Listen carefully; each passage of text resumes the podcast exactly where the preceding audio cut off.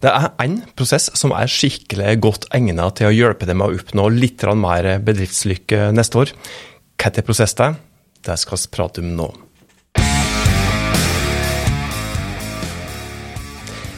Ja, det skal handle om strategi i denne episoden her til Hauspodden, som det har vært prat om i mange andre episoder tidligere. Men uh, i dag så skal vi forklare litt om prosessen, eh, den ideelle strategiprosessen som rett og slett kan eh, hjelpe virksomheter, organisasjonen som du jobber i, med å nå målene sine neste år.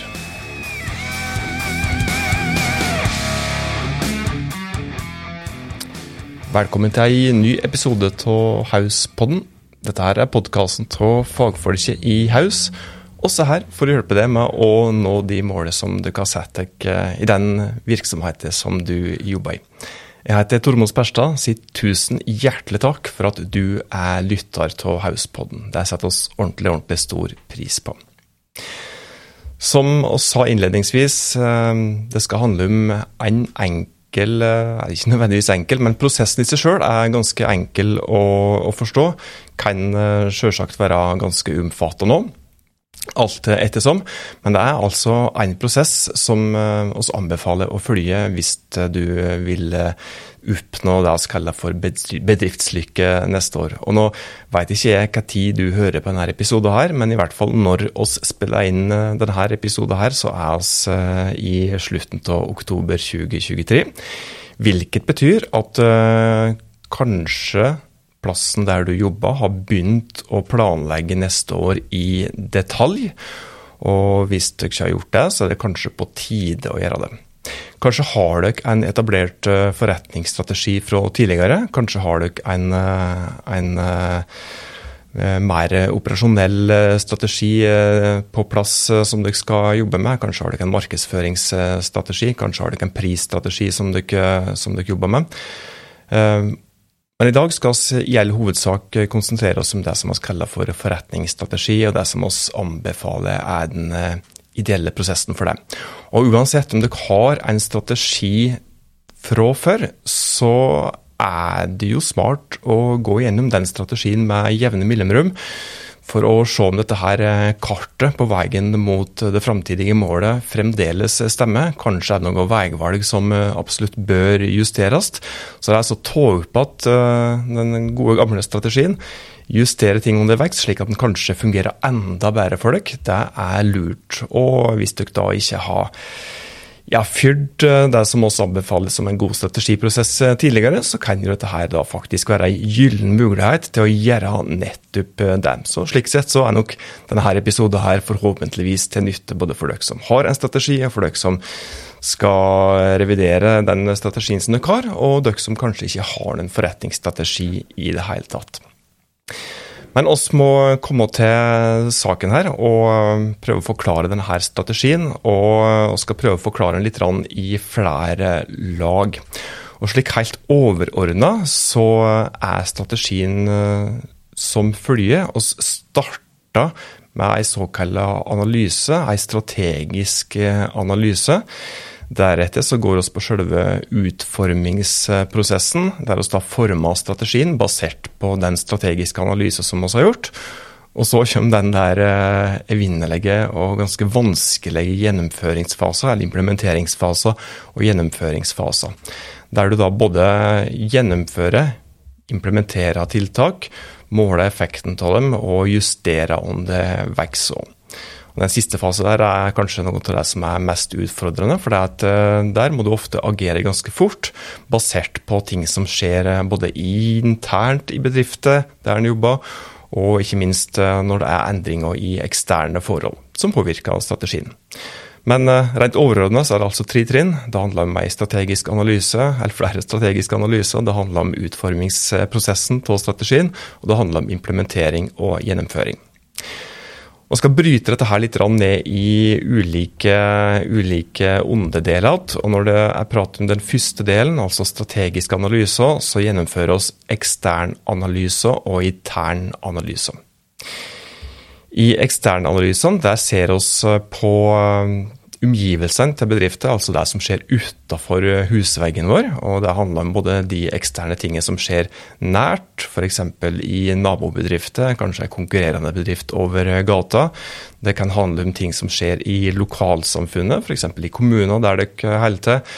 Det kan handle om kanskje ting som fylkeskommuner har vedtatt. Det kan handle om uh, politiske vedtak som blir gjort uh, på Stortinget. Det kan handle om uh, forbrukertrender i markedet som du opererer i. Det kan handle om føringer som blir lagt i f.eks. EU. Det kan handle om klimaendringer, det kan handle om krig, krig og konflikt osv. Så eksterne analyser, det handler om eh, det. Og interne analyser, der, eh, der ser vi da mer på de ressursene som vi har til rådighet eh, internt i bedrifter. Altså vi analyserer oss sjøl, der vi da ser på oss sjøl i, i detalj. da. Hva er godt rusta er oss f.eks. Eh, administrativt? Hva er godt rusta er oss eh, i produksjon? Og dette her gjelder fryktelig mange andre ting. Det går på kompetanse på ulike områder i bedrifter der en jobber. Det kan handle om eh, bygningsmasser, det kan handle om økonomi og, og flere andre ting. også. Og Her også kan vi bryte ned disse her eksterne og interne analysene og gi dere konkrete verktøy. Dere som har fulgt med Hauspoden en stund, dere eh, husker kanskje at vi har prata om f.eks. Eh, Pestel-analyse, som er en form for ekstern analyse. Nå skal vi ikke prate om i detalj hva hver enkelt analyse egentlig innebærer. Det er kanskje noe som vi skal prate om i en senere podkastepisode. Men eh, Pestel-analyse er ei god metode eller ei eh, konkret analyseform som er ordentlig ordentlig nyttig og mye brukt når vi skal gjøre ekstern analyse. Der vi da ser på eksterne forhold eh, rent politisk, eh, økonomisk, det går på sosialt bl.a., det går på miljø, det går på lovgivningsmessig. Så Pestel-analyser det er ett verktøy, en del av eksterne analyser som du kan bruke. Det er en bransjeanalyse kan òg være smart, der vi kan eh, analysere de eksisterende konkurrentene våre, potensielt nye konkurrenter, eventuelt eh, bransjer som kanskje oss ikke tolker som, eh, som, konkurrenter i dag, men som kan være konkurrenten vår i, i morgen.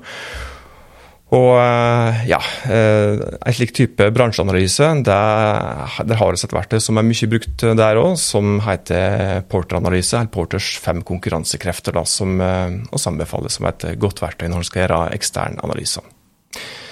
Når det gjelder internanalyse, så har vi flere ulike analysemetoder der òg, og der anbefaler vi så absolutt at du gjør en såkalt verdikonfigurasjonsanalyse og en VRIO-analyse.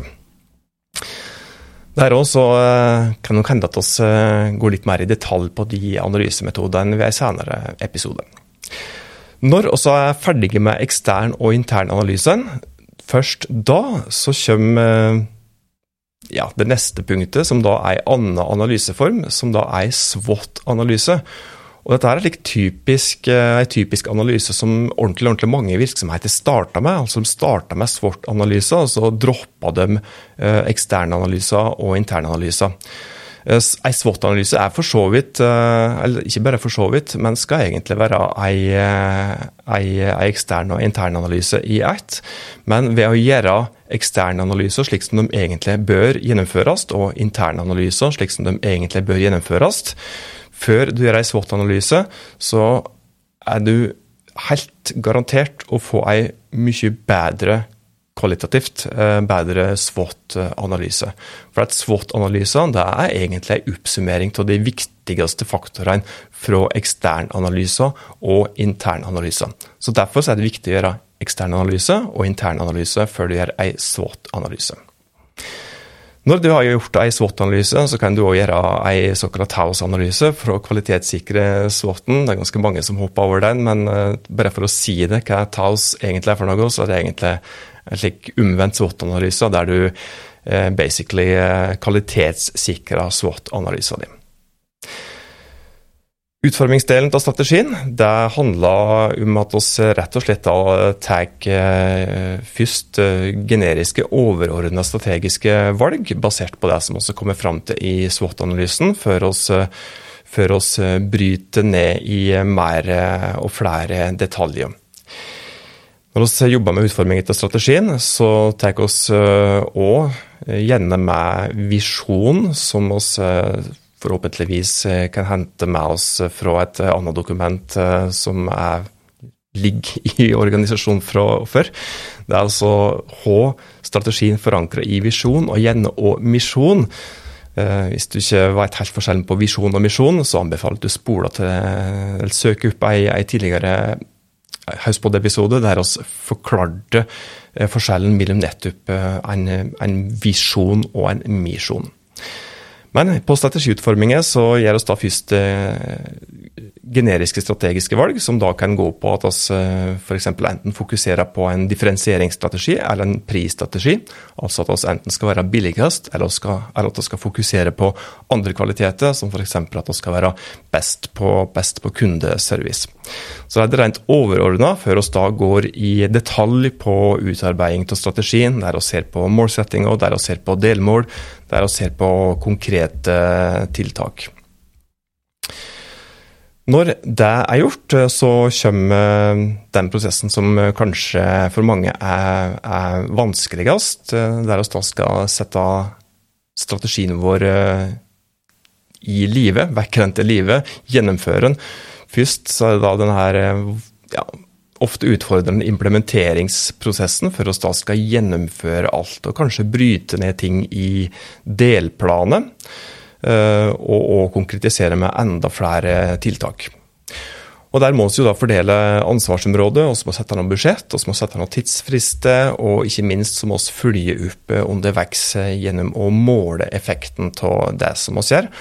Og når vi da måler effekten av det som vi gjør, så får vi et resultat ut i andre enden, som ofte innebærer at vi må justere veikartet underveis. Og det må vi òg ofte justere basert på endringer i omgivelsene. F.eks. midt i en strategiperiode så kan det jo fort hende at eh, det f.eks. kommer noen nye lovkrav, noen nye krav til ja, hvordan vi har lov til markedsføring, f.eks. Og Alt av slike ting det påvirker oss i liten eller stor grad, som da gjør at oss hele tida må, må ta opp igjen strategien vår og justere oss underveis. Da har du fått eh, enkelt og stutt forklart eh, den overordna prosessen som kan hjelpe virksomheter i med å oppnå bedriftslykke neste år. Og som sagt, jeg vet jo ikke når du hører på denne episoden her, men hvis du nå, som oss i Haus er, nå er på slutten av et år, og egentlig er der at vi bør jobbe med strategien vår fram mot neste år. Se på planene våre, se på konkrete tiltak. Så vil det å følge denne strategiprosessen her eh, være et godt hjelpemiddel for eh, dere til å oppnå bedriftslykke i neste år. Så det handler om strategisk analyse først, det handler om utforming etter strategien, og det handler om gjennomføring av strategien rent overordna. Det var det som hadde å by på i denne her episoden av Hauspodden. Hvis du setter pris på disse her, eh, disse her tipsene her, så sett oss pris på om du tipser andre om Hauspodden. Deler Hauspodden til andre kollegaer, f.eks. Konkurrenter for den saks skyld, slik at oss får mulighet til å hjelpe enda flere virksomheter med å nå målene sine. Fram til å høres neste gang, ta godt vare på det og dine.